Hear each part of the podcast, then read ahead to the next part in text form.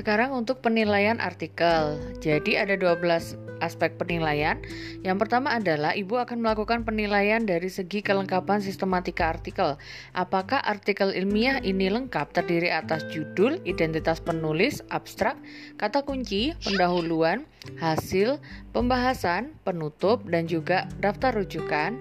Kemudian yang kedua, ketepatan judul. Apakah judul kalian ini informatif, menggambarkan isi artikel, menimbulkan rasa ingin tahu pembaca, menggambarkan secara jelas objek yang dikaji, dan maksimal sudah terdiri atas 15 kata. Yang ketiga, ketepatan penulisan identitas penulis. Apakah identitas penulis sudah diletakkan di bawah judul dan berisi nama, surat elektronik, dan asal instansi?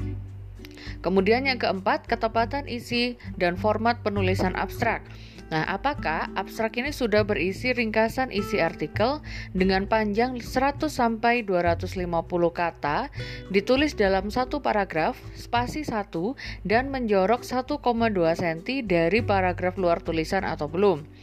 Kemudian yang kelima, ketepatan jumlah dan isi kata kunci. Apakah kata kunci berisi kata pokok yang menggambarkan daerah masalah yang dikaji dan jumlahnya terdiri atas 3 sampai 5 kata atau frase?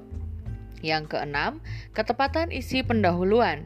Apakah bagian pendahuluan artikel Anda sudah berisi latar belakang, gambaran umum masalah, gambaran khusus masalah, alasan mengkaji topik tersebut, sebutkan sedikitnya 2-3 alasan, teori utama, alasan signifikansi judul yaitu alasan yang meyakinkan pembaca bahwa topik ini layak untuk dikaji dan bermanfaat untuk masyarakat, serta diakhiri dengan tujuan kajian.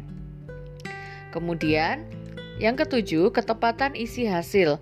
Nah, apakah subbab hasil kajian itu berisi deskripsi murni hasil kajian, fakta, prosedur, prinsip, data-data yang Anda peroleh dari hasil analisis berbagai literatur? Jadi untuk subbab hasil dan pembahasan ini merupakan subbab yang berbeda, tidak dijadikan satu subbab ya. Kemudian untuk yang pembahasan berisi jawaban atas rumusan kajian, tafsiran temuan-temuan, integrasi menjadi suatu pengetahuan yang mapan, berbentuk modifikasi teori atau perumusan teori baru.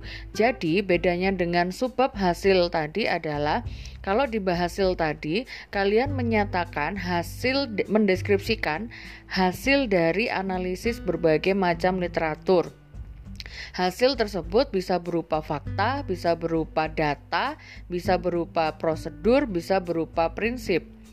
Nah, selanjutnya Tentu saja apa yang dideskripsikan di dalam hasil itu harus sesuai dengan tujuan kajian. Jadi kalau di bagian akhir pendahuluan kalian memiliki dua tujuan kajian, maka di bagian hasil ini nanti akan ada dua subbab hasil. Masing-masing merupakan deskripsi dari masing-masing tujuan kajian. Kemudian yang kedelapan, di subbab pembahasan maka kalian mentasirkan Berarti karena ada dua tujuan kajian, ada dua subbab hasil, maka di pembahasan nantinya juga akan ada dua subbab. Masing-masing subbab merupakan tafsiran, merupakan hasil evaluasi, interpretasi, kalian terhadap data, fakta yang telah kalian deskripsikan di bagian hasil tadi. Jadi, di sini nanti kalian mengintegrasikan berbagai pengetahuan menjadi suatu pengetahuan yang mapan. Jadi bukan merangkum dari berbagai sumber. Di sini kalian melakukan evaluasi, membandingkan uh, apa data satu sama lain sehingga hasilnya nanti kalian akan mendapatkan satu teori menurut respon kalian sendiri terhadap suatu objek yang sedang dikaji. Ya, jadi bukan merangkum. Kemudian yang kesembilan, ketepatan isi simpulan. Nah, apakah simpulan kalian itu terdiri atas pokok-pokok pikiran tentang esensi pembahasan? Karena tadi ada dua subbab pembahasan, maka nanti ada dua simpulan. Masing-masing diambil dari pokok-pokok pikiran yang ada di masing-masing subbab pembahasan.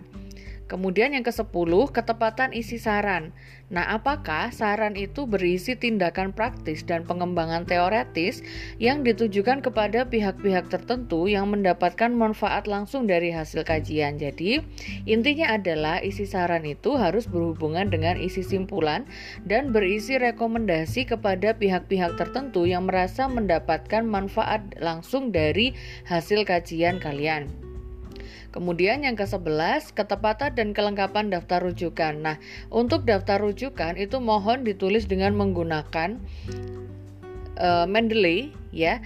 Jadi daftar rujukan itu lengkap sesuai dengan jumlah kutipan atau sitasi, ditulis dengan kaidah APA style ya dengan menggunakan aplikasi Mendeley kemudian berisi minimal 10 rujukan yang berasal dari jurnal, proceeding dan buku dan diambil dari sumber-sumber yang umurnya 10 tahun terakhir.